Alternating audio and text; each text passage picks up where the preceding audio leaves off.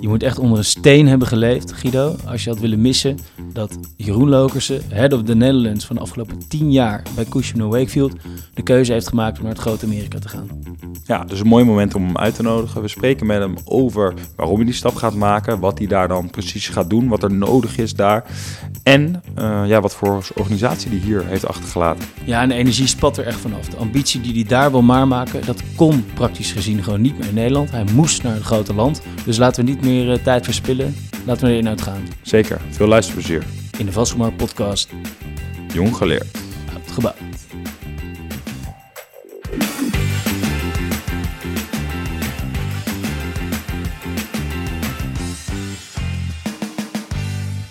Nou Jeroen, welkom. Ik, uh, ik, ja, er is een soort van olifant in de kamer, want het heeft overal in het nieuws uh, uh, zich afgespeeld. Laten we meteen naar het grote nieuws gaan. Je gaat naar Amerika, vertel. Wat ga je Ja, doen? Ik ga zeker naar Amerika. Ik ga proberen de wereld te veranderen en Nederland een beetje mooier te maken. Wij lopen op heel veel vlakken in Nederland voor. Duurzaamheid, data, transparantie in vastgoed. En als wij daar nog een stapje willen zetten in Nederland, dan moet de wereld ook mee. Ik ga proberen de me- wereld vooruit te krijgen en daarmee de versnelling in Nederland nog harder te laten gaan. En is, is het die, eh, die drive die je hebt ook de reden dat je daarheen wilde? Is dat de enige reden? Zijn er, zijn er meer redenen die speelden? Nee, er is eigenlijk maar één reden. Ik heb een hele grote ambitie om, de, om vastgoed transparant te maken. Als je dat wil doen, dan moet je dat doen in Amerika. En als je in Amerika zit, dan wil ik alleen in New York zitten. Ja, Dan- want daar zit het hoofd van uh, Cushman Wakefield. Uh, het bedrijf waar jij nu hoeveel jaar uh, hoofd in ieder geval van bent? Tien jaar voor Nederland. Tien jaar voor Nederland. Uh, wat mist je dan eigenlijk in je, nou ja, laten we nu niet zeggen vorige baan, huidige baan. Wat je daar dan wel waar kan maken, is dus dat je het gehele plaatje, globale vastgoedplaatje, daar kan aanpakken. Ja, er zijn meerdere redenen. Ik, ik ben verantwoordelijk voor een Nederlandse organisatie, 550 mensen. Dat is heel veel operationeel werk. Ik wil meer met strategie bezig zijn en meer met innovatie. Dat kan je misschien bij de baan doen die ik hier heb, maar ik denk eigenlijk dat je dan full focus moet hebben. En uh, ja, we klagen vaak over Nederland dat we achterlopen of niet zo transparant zijn, of dat er in het vastgoed uh, korte termijn gedacht wordt. Nederland doet het heel goed. Eigenlijk te goed. De wereld moet sneller, moet harder vooruit om ook in Nederland weer volgende stappen te kunnen zetten. En ik vind het een mooie ambitie en ik ga het proberen. Nou, je mag het niet zeggen, maar dat is toch een beetje de, de, de mentaliteit. Kijk, bij VOC krijg je meteen zo'n teneur van dat mag je niet zeggen. Je moet aan Balkenende denken. Maar het is wel een mooi soort Nederlands glorie. We gaan met onze kennis uh, niet binnen de grenzen houden, maar we gaan de wereld verbeteren. Zeker. En ik, ik zie er ook enorm naar uit. En tegelijkertijd hier wat verder gaan, hoop ik ook in Amerika wat Europese flavor te kunnen gaan geven. Want de uitdaging in de VS, hè, als we het dan hebben over duurzaamheid of werknemers centraal zetten, daar kunnen de Amerikanen zeker ook van ons leren. Uh, maar ik ga ze nu vooral, hoop ik, gewoon uh, dit, deze sector te professionaliseren. En, en daar heb ik ongelooflijk veel zin in. Ja, en wat zijn dan, uh, je noemt al een aantal dingen hè, in het begin. Dus je wilt het transparanter maken, je wilt het duurzamer maken. Um, je wilt het verder professionaliseren. Wat zijn een beetje de concrete dingen waar je daar in New York naar wil gaan kijken? Nou, kijk, ik, ik zit in New York om, om global projecten aan te pakken. Ja. En dat is eigenlijk allemaal gebaseerd op professionaliseren. En in vastgoed is het vooral rondom data. Kan je verstandiger data-driven keuzes maken? Nou, vastgoed heeft hele rare karakteristieken. Er zijn weinig gebouwen, dus het is nooit big data, het is altijd small data. Uh, de data van die gebouwen is vaak niet zo goed. Is er gedeelte. Er zijn niet zoveel transacties, niet zoveel vergelijkingsmateriaal. Wij kunnen veel slimmer de data structureren, de data verzamelen en dat vertalen naar producten. Ik ben iemand die echt aan de productenkant zit. Dus mijn innovatie in de VS gaat over productinnovatie. Klanten toegevoegde waarde leveren. Oké, okay. en wat daarvoor nodig is aan de achterkant, dat kan ik goed bouwen. Oké, okay, kijk, wij, ik heb misschien wel een beeld bij, hè, omdat we in het vastgoed zitten, uh, nu, nu twee jaar. En data, dat is dan misschien de huren en, en, en, en leegstand en dergelijke. En het product is wat voor soort gebouw je moet bouwen. Of als je het wil concretiseren, wat zijn datapunten die je moet verzamelen? En wat zijn dan de producten waar je het over hebt? Ja, er zijn, er zijn een paar grote producten die we doen. Um, maar de basis zal liggen dat we wat verder weggaan van alleen maar transactiedata naar gewoon de value drivers van gebouwen. Wat maakt een gebouw goed of niet goed? En dan hebben we een aantal factoren op de locatie. We hebben daar een stuk of 40 of 50 in kaart. Die weten we ook van alle gebouwen van Nederland. Dat hebben we voor de gebouwen zelf. Die weten wij ook van alle gebouwen in Nederland. En uh, als je dat met elkaar combineert, dan kan je voorstellen dat je daar een rating, een score aan kan geven. Wij maken die scores. Wij zorgen ervoor dat je beter gebouwen kan benchmarken en daarmee vastgoed meer gaat laten lijken op andere assetklasses. En dan wordt het leuk. Want de grote investeerders in vastgoed willen dat heel graag. Maar, maar, maak die vergelijking eens, want dus andere assetklassen, wat zijn dan eigenschappen van andere assetklasses die vastgoed nou mist, omdat het dus die data mist? Is dat die transparantie die eigenlijk gewoon eroverheen hangt? Ja, het, is, het is een combinatie van betere data verzamelen, de juiste data verzamelen en dan op de juiste dingen vergelijken. De waarde is voor mij wat minder belangrijk dan of een gebouw in kwaliteit beter is, bijvoorbeeld. Kan je het beter verhuren? Kan je daar uh, je, je, je, je huurders langer vasthouden? Is dat een locatie die op lange termijn ook waardevol is? En dat benchmarken, als je dat goed doet en beter selecteert, dan komt die waarde vanzelf. En dan zal je zien dat de huurders bij jou blijven of als ze gaan zoeken bij jou weer gaan komen. En dat vertalen we heel hard door. Net zoals we zouden kijken, zoals ik zou kijken vanuit de moderne portefeuille-theorie, naar een aandelenportefeuille. He, wat 20 jaar geleden daar niet kon, bijvoorbeeld, nou, heel eenvoudig uitleg, ik wil graag de beta van gebouwen maken, de beta van vastgoed. En de beta is een, is een metriek voor hoeveel het meebewerkt beweegt met, met normale ontwikkelingen. Een risicomaatstaf. Ja. Hoger dan 1 is het, weegt dat meer mee met de conjunctuur, lager dan 1 minder. Ja, en dat doe je op basis van de karakteristieken van de gebouwen, van de locaties, van de huurders. Dus je gaat die gebouwen reten, allemaal goed met elkaar vergelijken. En dan zal je zien dat je uh, veel objectiever naar vastgoed gaat kijken. En ervoor kan zorgen dat je die rare uh, pricing in die markt, die inefficiënte pricing, die grote fouten die vaak ook in vastgoed plaatsvinden, dat je die gaat voorkomen. Ja, vraag drie taxaties en je krijgt drie totaal verschillende waarden. Of nou ja, totaal, maar een, uh, een variatie van rond de 10%. Dat ja, is, En dat is ook heel logisch. Want de redenen waarom die gebouwen gekocht worden zijn zo verschillend. De een heeft een fiscale incentive, de ander heeft op dat moment gewoon een beetje geld te veel, de ander is een outsider die een fout maakt. Dat zijn drie biedprijzen, maar drie taxaties zouden in principe drie keer de highest en best use moeten. Nou, de taxaties worden toch heel erg gebaseerd op de referentietransacties. En sterker nog, ons systeem van taxeren dwingt ons om die referentietransacties een hele grote rol te laten spelen. Terwijl ik inderdaad meer kijk naar fundamenteel waarderen. Ja, dus je bedoelt inderdaad referenties, referentietransacties zijn al gebaseerd op gemaakte deals waar mensen dus een idee bij hadden waarom ik het aankoop. En dat is nu een te zware factor in het huidige systeem van taxeren. Nou, ik, ik, ik geloof erin dat je moet proberen om een portefeuille vastgoed te bouwen waar je rendement-risicoverhouding optimaal is. En dan moet je anders kijken naar um, de fundamentals die er bepalen als jij al een heel risicovol gebouw hebt, omdat je, nou, laten we het zo zeggen, in de retail zou zitten, dan zou je zeggen, misschien moet ik een ander segment erbij zitten. Als je in een stad zit, dan wil je misschien ook andere steden hebben. Maar ik vind het dan nog leuker om naar structurele transformaties in de maatschappij te kijken. Van wat willen huurders over vijf of over tien jaar? En kan je daar nu een portefeuille bij gaan opbouwen? Want je weet eigenlijk dat die gebouwen dan waarschijnlijk nu te goedkoop zijn. Dus dat kan je allemaal kopen. Ja, en, en een andere manier van naar vastgoed kijken, naar investeren, naar beoordelen en ook naar waarderen. Ik ga alle taxaties automatiseren. Gaat helemaal geautomatiseerd worden binnen enkele jaren. En dat zijn ambities die ik belangrijk vind in wat ik bijvoorbeeld ook in Amerika ga doen.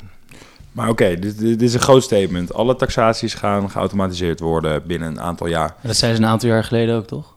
Ja, dat zei ik zeker een aantal jaar geleden. Ja. En wat is er nu anders? Nou, dat we al hele grote stappen gemaakt hebben. Dat onze grootste belemmering nu is eigenlijk de, de toezichthouders. Wat zijn de regels voor taxeren? Maar de accuraatheid van die geautomatiseerde taxaties, zeker bij het hele woningsegment, is zo hoog dat dat waarschijnlijk al beter is dan handmatig. Commercieel vastgoed heb ik een enorme ambitie. Voor het merendeel van de taxaties is waarschijnlijk nu al geautomatiseerd waarderen beter. En maar als het heel specifiek vastgoed is, dan hebben wij nog niet genoeg data verzameld ja, om dat, helemaal geautomatiseerd te. Omdat er dan gewoon te weinig datapunten waarschijnlijk nog zijn ja. voor... Ja, en, en dat is ook het leuke. Hè? Wij noemen het eigenlijk Automated Valuation Modeling. Wij, wij werken weer met een, met een KAMA, Computer Assisted Modeling Approach. Maar mijn ambitie is zoveel mogelijk te automatiseren, want dan wordt het werk veel leuker. Oké, dus dan, want dan hoef je minder tijd uh, in te stoppen in het inklokken en comparables opzoeken, maar kan je meer denken, oké, wat is de implicatie van deze waarde? Ja, en vooral dat dan de expertise van de taxateur ingezet wordt waar die ingezet moet worden. En ik vind het tot op de dag van vandaag eeuwig zonde dat de taxateurs zo weinig gevraagd wordt om over de toekomst na te denken. Dus dat ze mogen ze niet eigenlijk, hè? Nou, je mag natuurlijk altijd nadenken. Hè? Dat is gelukkig in Nederland Nou, als ik een eh, taxateur vrij vraag, goed. eh, als ik een taxateur vraag eh, van, nou oké, dit is de waarde voor het nieuwe vastgoedproject dat ik wil kopen. Dat gaat dan om woningen. Dan zeg ik, nou, het wordt over drie jaar opgeleverd, dus kun je me een inschatting geven van wat de prijs over drie jaar is. Want ik ga nu betalen, prijs per oplevering. ik wil Vervolgens kijk ik altijd terug, nee, dat mag niet. Maar ik prijs wil- wel heden. Ik wil, hij- je ik wil dat hij dat toch gaat doen. Voor de bank en voor de taxatieregels moet hij vandaag doen zonder die verwachtingen. Maar eigenlijk moet hij zijn kennis inzetten om jou te vertellen hoe de komende jaren eruit gaan zien. En dan moet je ook kunnen vertellen welke scenario's daar dan plaats zouden kunnen vinden. Wat dan de risico's zouden zijn van het hebben van die investering. Maar moet je ook kunnen vertellen waar je wel of niet moet verduurzamen. Wat je optimaliseringsslag is. En hoe lang het in portefeuille moet houden. En die stap van taxateur naar adviseur, daar zitten we nu in. En de komende jaren gaan we dat uitvoeren. En wat zijn dan de dingen die het meest tegenhouden? Want je geeft wel aan van nou, de huidige regelgeving en hoe het nu is ingericht, geeft eigenlijk ja, geen mogelijkheid om op die manier te taxeren. En is dat puur vastgoedtiaans eh, conservatisme wat daar een rol in speelt? Of, of Zeker. spelen er nog andere belangen? Nee, maar dat, dat speelt zeker een rol. Maar ik vind het ook heel raar dat, dat onze klanten niet om die kennis vragen. Hè, die kennis zit bij deze mensen. Dat kan je aan ze vragen. Vraag ze veel duidelijker niet alleen wat die puntwaarde is. Hè, want een puntwaarde is maar een puntwaarde. Hè, misschien zijn cashflows wel belangrijker. En wat mij betreft zijn de cashflows in de toekomst het allerbelangrijkste. Ehm, maar verandering is blijkbaar lastig. En ja ik, ik, ja, ik denk ook dat sommige partijen ook niet, niet weten dat wij al die kennis in huis hebben. En dat die taxateur Maar daarin kan mij- meenemen. Maar het probleem ligt er toch niet bij dat, dat... Kijk, jullie willen op die manier taxeren. Of in ieder geval jij wil laten doorstromen in je organisatie dat dit de manier van taxeren is. Nou, ik, ik ben dan een belegger die ook op die manier graag de taxaties wil zien. Maar ze mogen niet. En wat, wat is dan precies het orgaan? Is dat eh, de RICS of... eh, Het zijn die taxatierichtlijnen. Die, zijn, die zijn nergens zo streng als in Nederland overigens. Hè, dus dat is zo dicht gereguleerd. Misschien wel omdat we zo'n slechte reputatie hadden als sector. Laten we ook maar even eh, een beetje hand in eigen boezem steken. Maar vooruitkijkend, het is natuurlijk veel leuker om de klant de echte toegevoegde waarde te leveren die voor die klant belangrijk is.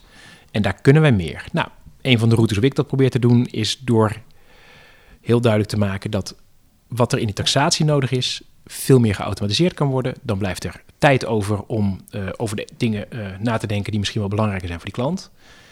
En ja, ik zou vooral tegen de klant zeggen, vraag het aan ons. Want ik denk dat je het antwoord wel krijgt. Oké, maar misschien niet op het officiële papiertje. Wat, en dat krijg je eh, niet met het officiële wat- papiertje, want dat mag daar niet. Oké, dat is logisch. En wat, ehm, wat maakt je nou eigenlijk denken dat het vanuit Nederland, zeg maar, dat, dat we daar dus al op deze manier ook in voorlopen? Zie jij dat dan afgelopen jaren in je, in je werk? Dat je denkt, jongens, dat zie ik vo- volledig. ja? Ja, wij, wij hebben als de Nederlandse vastgoedsector. Ja, ik, ik, ik, ik noem het ook wel de bouw, bouwen- en levenssector. Hè, want wij hebben wel een reputatie achter aan te slepen die maar lastig van ons wegraakt. Wij ja, zijn toch redelijk bepalend voor de leefomgeving hier in Nederland. Dus maar we lopen snel voor. vastgoedmannen achter ons laten en zeggen we zijn bouwen en leef. Mannen en vrouwen.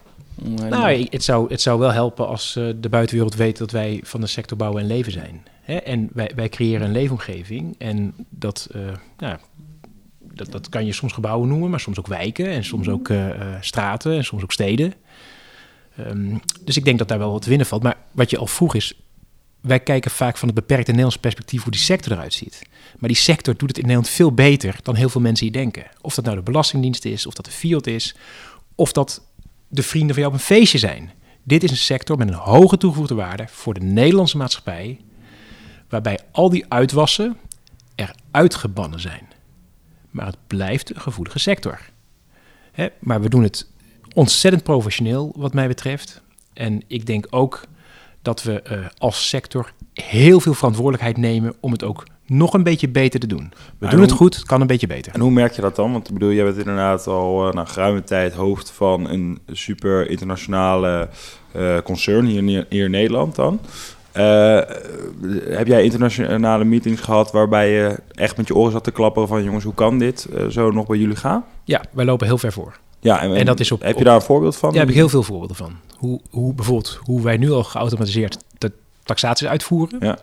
Hoe gestructureerd wij omgaan met onze data en met onze referenties en met onze stappen in het proces. Het hele proces is gecertificeerd, dus alle stappen zijn gecontroleerd door externe partijen. En daarnaast zie ik dat wij producten leveren aan onze klanten, ja, die noem ik risk management producten, Waarbij klanten eh, meenemen eh, een hele grote stap verder dan alleen maar puntwaarderingen, maar echt praten over eh, hoe een leningportefeuille zich gaat ontwikkelen, hoe het onderpand daarvan zich ontwikkelt, waar dan eventuele risico's zitten en in welk land je welke stappen zou moeten zetten om dat te optimaliseren. Dat zijn projecten vanuit Nederland over de hele wereld. Ja, en er zijn dus de, in ieder geval de taxatie-tak is dat dus. En ook dus de meer research advisory tak. Ja. Hoe zit dat voor eh, bijvoorbeeld capital markets? Echt het makelen, zeg maar? Ja, dat is wel leuk wat jij echt het makelaar zegt. Hè? Ik, ik, had, ik heb wel momenten gehad in het verleden waar ik moeite had om mezelf makelaar te noemen. Ja. En ik, ik ben er ongelooflijk trots op dat ik makelaar ben. Kijk, mooi. Dat, is, dat, dat hebben we in ieder geval eh, want gezegd want dan. dit, dit vak als makelaar is niet, natuurlijk niet meer bij partijen bij elkaar brengen. Hè, wij optimaliseren processen. En in dat op, geoptimaliseerde proces zorgen wij ervoor dat... ehm, dat begint met een strategisch en creatief proces van... je hebt een gebouw, wat zou je het beste mee kunnen doen? Dan ga je praten hoe je dan een proces zou kunnen optimaliseren. Dan ga je nadenken wat voor risico's je als verkoper wel of niet zou willen lopen. En dan zorg je dat een transactie uitkomt met de allerbeste koper tegen de laagste risico. Hè, Het zoeken van kopers is echt geen ingewikkelde business meer. En dat eh, was 20 jaar geleden lastig. Maar die staan allemaal in onze databases. Daar hoef je echt geen zorgen over te maken. Hey, en ik nog even terug inderdaad, want, want dat hoor je wel vaker in de sector, dat, dat het woord makelen of makelaar eigenlijk een beetje een vies woord is. Als ik in mijn voetbalteam kom en eh, ze denken, nou Mats eh, met zijn grote mond, die moeten we even op zijn plek zetten. Dan zeggen wij, hou hou je mond, joh, makelaar. En dan heb ik het idee, ik ben helemaal geen makelaar. Terwijl eigenlijk ja, is het een prachtig mooi beroep en het kan zeker strategische waarde hebben. Maar goed Jeroen, jij bent nu tien jaar de baas geweest van, ik denk het grootste makelaarskantoor van Nederland. Correct me if I'm wrong. Waar komt dat vandaan, denk je? Wat, wat, wat is nou die, die teneur die rond dat woord makelaar? Dat zelfs de mensen bij Cushman Wakefield zelf eh, eh, liever zich consultant noemen op Facebook, op eh, LinkedIn dan makelaar. Ja, kijk, ik, ik, ik ben er trots op dat ik makelaar ben. Eh, maar wij zijn een organisatie die makelaar was, vastgoedadviseurs geworden en nu professional service company zijn. Dus wij hebben echt een grote reis gemaakt. Hè. Dat klinkt een beetje trendy misschien, maar de bedoeling is wel dat wij end-to-end klanten adviseren. En één van de diensten daarbij is makelen. En het makelen wat wij doen, dat is eh, het optimaliseren van een aanhuur- of een verhuurproces, of een aankoop- of een verkoopproces. En ja, dat, dat kunnen wij eh, heel goed. En dat eh, doen we heel transparant op een manier dat je weet dat je ook terug kan kijken waarom je bij een koper of een huurder bent uitgekomen en welke stappen zijn genomen om ervoor te zorgen dat onze klanten er zeker van zijn dat er geen fouten gemaakt zijn en dat je gewoon zo optimaal mogelijk bij de juiste partij uitkomt. Ja, dat is, dat is denk ik heel mooi uitgelegd van nou, ja, waarom je bij Cushman Wakefield moet zijn als je iets wil verkopen en waarom jullie een goede makelaar zijn. Maar waar ik eigenlijk naartoe wil zeggen van ja, dat er zo'n zo'n slecht idee rond het begrip makelaar Ja, het is- het is hangt. Dat ze zeggen van nou, verdienen ze te makkelijk te veel geld of, of doen ze eigenlijk niet het echte werk en brengen ze gewoon eh, verkopen bij koper en gaan ze lekker een boot leasen en het vieren direct? Of dat is een beetje de, de smaak die om het woord makelen heen hangt. Is, is dat ergens op gebaseerd? Is het misschien voor onze tijd, Guido, dat, dat, dat makelaars daadwerkelijk die functie hadden? Of dat ze de beste deal bij zichzelf hielden? Eh, dat soort verhalen Nou hoor je wel Een, reputatie blijft je heel lang achtervolgen. Dat merkt deze sector wel. Dat is iets waar ik twintig jaar voor probeer te vechten. En ik, het verbaast me eh, dat er twee landen in de wereld zijn waar eh, het vastgoed je het laagst op de sociale ladder staat, Nederland en Duitsland. En dat het land eh, waar ik naartoe ga je het hoogst op de sociale ladder staat.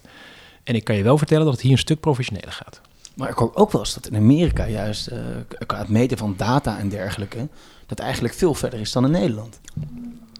Ik, ik denk dat er heel veel data is, maar dat wil niet zeggen dat het transparanter of beter is. Datzelfde geldt voor de UK. Wij doen dat in Nederland zo netjes en zo goed dat het hier, eh, denk ik, veel hoogwaardigere kwaliteit data is.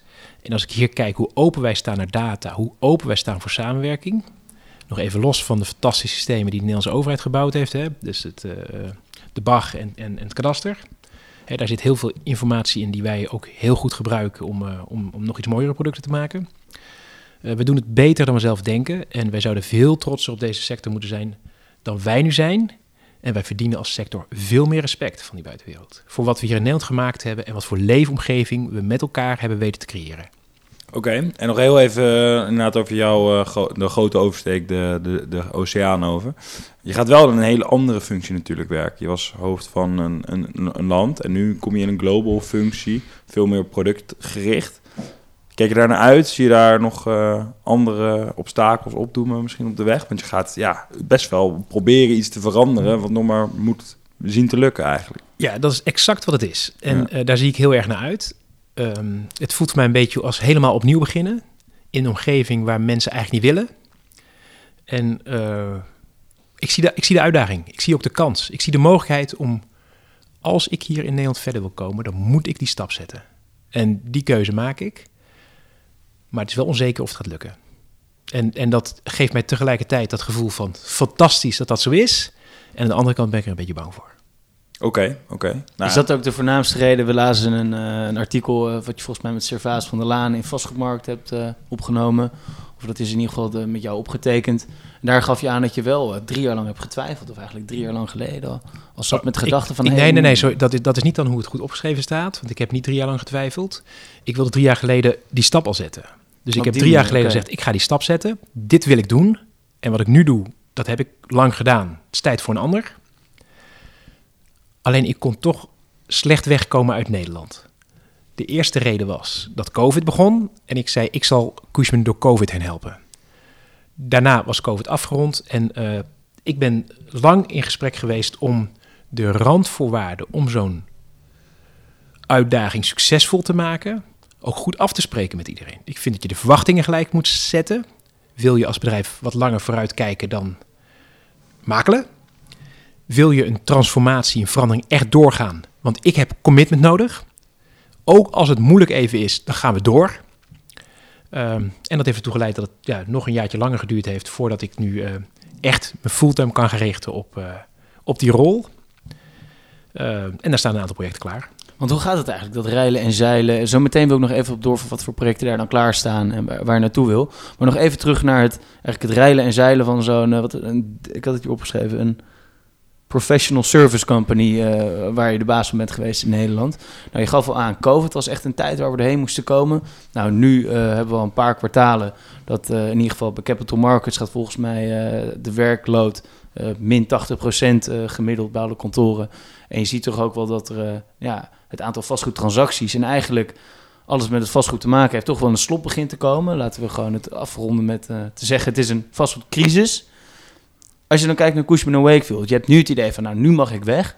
Wat voor organisatie heb je achtergelaten dat je toch met vertrouwen kan zeggen, hier komen we doorheen? Nou, kijk, de eerlijkheid is, ik, ik ervaar helemaal geen crisis. Hè? Het zou wel eens goed ik zijn. Ik vind ook elke keer, daar probeer ik nu een aantal weken te zeggen, jij hebt het hele tijd over een crisis. Nou ja, als je kijkt naar economische crisis, is twee kwartalen op rij krimp. Het, het, zou helemaal, het zou helemaal niet gek zijn als wij als Nederlanders een keer Water aan de lippen, jongens. Kom op. Nee, rustig aan, rustig aan. Geen stress. Ik, ik heb zeker geen stress. En uh, de eerlijkheid is dat ik het wel een tijd van wat onzekerheid vind. En ik geniet daarvan. Ik word daar rustig van als het wat meer mist is, als het wat onzekerder is. Om de hele simpele reden dat je keuzes dan toe doen. Nu doen je keuzes ertoe. Um, ik heb veel vertrouwen in die toekomst. En ik laat iets achter in Nederland wat heel goed gespreid is. Wat bedoel je met gespreid? Wij, wij, wij zijn veel beter gespreid over alle sectoren in het vastgoed. En ook veel beter over onze recurring business of onze transactiebusiness. Er stond een bedrijf wat 55% direct afhankelijk was van transacties en nu nog 35% afhankelijk van transacties. Dat betekent eigenlijk ook dat wij echt geen stress hebben als capital markets wat minder hard gaat. Nou, dus welke, denk... welke onderdelen zijn dan gegroeid, zeg maar, tussen dat jij binnenkwam en nu hoe je het achterlaat? Nou, wij zijn eigenlijk uh, vrij hard gegroeid met uh, alles wat projectmanagement is, workplace, consultancy, strategie consultancy, risk management. We hebben een hele, hele stevige taxatieafdeling. En uh, we hebben ook een beetje wat van onze transactieafdeling afgebouwd. Ik heb een bewuste keuze gemaakt om meer focus te hebben op de klanten die onze toegevoegde waarde waarderen. Dat betekent dat wij, ik denk, 800, 900 opdrachten teruggegeven hebben aan opdrachtgevers. Actief teruggeven. Wij denken dat wij niet de juiste partij zijn. En uh, misschien is er een andere partij die jou beter kan bedienen, bijvoorbeeld deze. Um, of er zijn opdrachten waar wij van vinden dat de opdrachtgever ja, ons niet voldoende waardeert voor wat we daar brengen. Maar als jij opdrachten ging uh, teruggeven, dan kwamen ze toch in Amer uit Amerika gewoon zeggen: Jeroen, wat ben je allemaal aan het doen? Nee, eigenlijk niet. Want uiteindelijk kijken zij toch met name onderaan de streep of jij uh, een organisatie draait die succesvol is. Okay. En Nederland is wel heel erg succesvol binnen Cushman Wakefield uh, Global of binnen Europa. Oké. Okay. We hebben een groot marktaandeel. Wij zijn heel goed gespreid. En wij uh, zijn zowel in goede tijden of wat mindere tijden, dat het wat langzamer gaat, is de organisatie enorm onder controle. Ja, dus dat, wat dat betreft is het zeg maar, stressbestendig nu met een wat mindere tijd dat de transacties teruglopen. Kan je nog lang Zeker. uitzingen. Zeker. Kijk, en, en soms denk je van die strategische planning en het inrichten van een organisatie, is dat nou echt goed gedaan of is dat een beetje geluk? Nou, vaak is het natuurlijk een combinatie van beide. Maar wat wij op dit moment in logistiek doen, dat hebben we vijf jaar geleden gestart. En dat is een heel significant deel van onze business, terwijl dat minimaal was. Ja, en dan denk ik toch dat we als, eh, als managementteam eh, verstandig besloten om daarop in te zetten.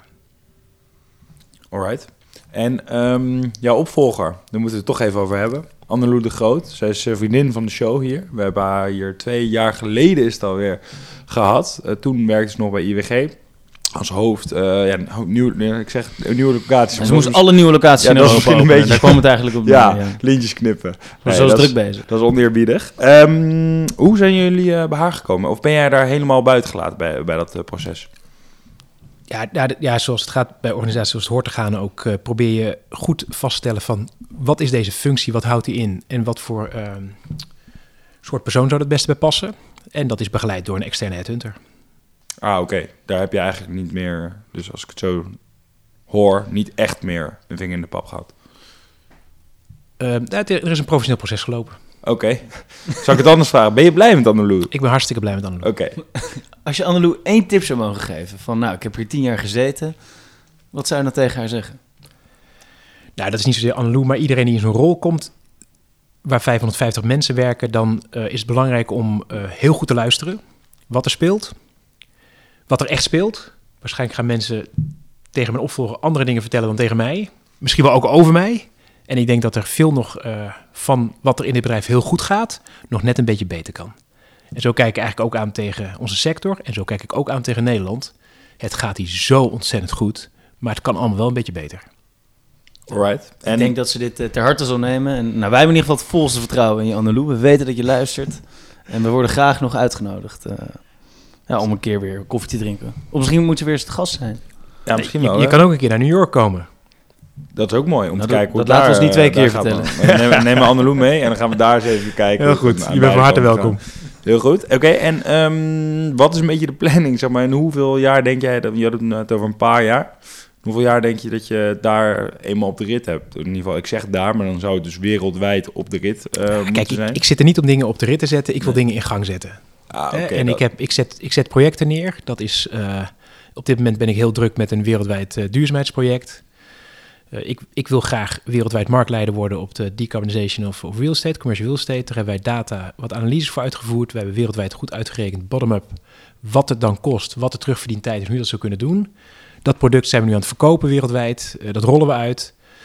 Ehm, en, en dat krijgt, krijgt tractie. Zo heb ik nog vier, vijf projecten die ook uitgerold moeten gaan worden. Ik wil daar de basis van leggen, maar de organisatie moet het gaan doen. En ik denk met die stappen, als je vraagt wanneer is dat dan klaar, de eerlijkheid is dat weet ik niet. Ik ga dat proberen eens een jaartje vooruit te kijken of ik daar beweging kan brengen. Als ik daar niet de juiste persoon voor ben, dan ga ik weg. Ja.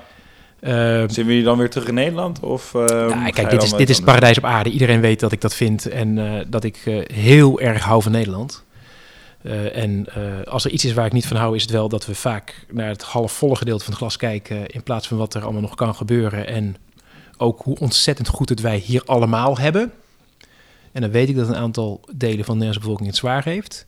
Maar relatief gezien doen we het hier echt heel erg goed. En ik wil graag helpen dat Nederland nog een beetje beter te maken. Eh, dus ik kom hier wel weer terug. Oké, maar dan in een andere rol dan bij Cushman, denk ik? Nou, dat gaan we, gaan we zien. Maar ik, ik ga me nu focussen op die mooie uitdaging die ik nu heb. En eh, ik hoop dat ik dat eh, enkele jaren ga doen. Misschien gaan we wel de dividendbelasting alsnog aflasten en komt het hoofdkantoor wel naar eh, Amsterdam. Nou, ik heb heel hard gevochten om het Europese hoofdkantoor naar Amsterdam te krijgen. En tot op heden is het me niet gelukt. Dus als Annelou dat wel lukt, zou het mooi zijn. Heel Oké, goed. Er is nog in ieder geval iets om aan te werken. hè. Hey, ik wil, eigenlijk moeten we gaan afsluiten. Maar ja, goed, we hebben toch nog één ding misschien niet besproken. Ehm terugblikkend nog heel even op die tien jaar die je hebt gehad. Ik moet het toch vragen, wat is nou echt iets waar je echt trots op bent? Maar laten we beginnen met een blunder. Wat zeg je van, oké, nou, eh, in alle eerlijkheid jongens, ik, eh, zijn heel veel dingen heel goed gegaan de afgelopen tien jaar. Maar ach, als ik één ding op, als ik één ding nog even anders had kunnen insteken, dan had ik dat gedaan. Eh, de enige echte blunder van tien jaar dit werk doen is dat ik te weinig onverdeelde aandacht aan mijn gezin gegeven heb. Eh, en eh, dat, dat zou ik eh, nooit meer zo doen. Eh, ik heb een fantastisch gezin, ik heb een fantastische vrouw, ik ben heel veel thuis geweest. Maar met mijn hoofd te veel op mijn werk, te veel bij klanten, te veel bij collega's. Dat gaat me niet meer overkomen, ook niet de komende jaren. Kijk, nou, ik hoop dat Thuisgrond uh, meeluistert. Dat ze daar, uh, want die gaat toch met je mee dan, neem ik aan. Op dit mijn, mijn gezin woont al in Amerika. Oh, die wonen al in Amerika. Ik ben daar de afgelopen maanden uh, redelijk wat. en ik ben ongelooflijk blij dat ik gewoon zometeen met mijn gezin daar zit. En één ding nooit vergeten. Dat het, het gaat niet over tijd, het gaat niet over hoeveel tijd, het gaat niet over hoe hard je ergens aan werkt, het gaat over commitment. En dat commitment hoor je niet alleen op je werk te hebben, maar ook volledig thuis. En ja, dat, dat, dat heeft mij blijkbaar tijd gekost om dat te realiseren, misschien of te leren. En ik uh, hoop dat ik die fout niet weer maak. Kunnen we misschien zeggen dat het hoogtepunt nog voor ons ligt? Want ik vind het wel heel mooi om met deze persoonlijke noot uh, het ja, we, we, oh, gingen nog oh. het grootste succes, hè? Want daar. Uh, ja, dat dat nog voor ons ligt, dacht ik. Of nou ja, die, die mag je ook nog noemen dan. Victory? Nee, nee, nee, ik, ik, ik ben niet. Uh, de deals zijn niet mijn grootste succes. Hè. Ik wil moeilijke dingen voor elkaar krijgen. Hè. Het gebouw deals wordt, niet moeilijk. Een, een gebouw wordt over het algemeen verkocht als je wil dat het verkocht wordt. Het was een fantastisch deal overigens en we hebben het heel goed gedaan. Maar ik, ik vind het heel mooi om een organisatie mee te nemen in een ambitie, in een strategie. En te zien dat je het uitvoert en te zien dat je klaar bent voor die komende tien jaar vastgoed. Daar ben ik trots op. Maar ik vind het leukste als ik de trots bij medewerkers kan zien. Wat we gedaan hebben en wat er dan bereikt is. En dat, dat gaat echt over purpose, strategie en zien dat je dat uitvoert. En wat is daar nou een leuk voorbeeld van? Dat ik heel vaak gezegd heb dat wij betrokken horen te zijn bij de relevante vraagstukken in Nederland. Dat is onze sector wonen en leven. Daar moeten we zitten. En de eerste jaren denken mensen, joh, maar Jeroen, we zijn een vastadviseur, of we zijn makelaar, of we zijn dit. Maar daar horen we te zitten. En daar zitten we met hoe we ons uh, positioneren in de markt. En de buitenwereld gaat ons toch steeds relevanter zien als sector. En ja, ik heb, ik heb niet een ambitie voor een bedrijf, niet alleen voor deze sector. Ik heb voor wereldwijd wil ik gewoon proberen om vastgoed um, daar een bijdrage aan te leveren. Kijk. En dat heeft met positioneren te maken. Nou, dan uh, gaan we daarvoor. Dan wensen we jou heel veel succes in Amerika. We wensen jouw opvolger Annelou natuurlijk in Nederland heel veel succes. En, uh, ik ook. En ik ben er ook in alle gevallen om te helpen, te supporten. En deze sector in Nederland en de mensen waar ik 10 jaar of 15, eigenlijk ik heb 25 jaar gewerkt, mee gewerkt, is zo fantastisch. We, we, beseffen het ons te weinig. Hoe leuk het er is, hoe goed het er is en, en ook hoe goed we het doen. Kijk, we nemen het mee. Jeroen, dankjewel. Dankjewel. Thanks.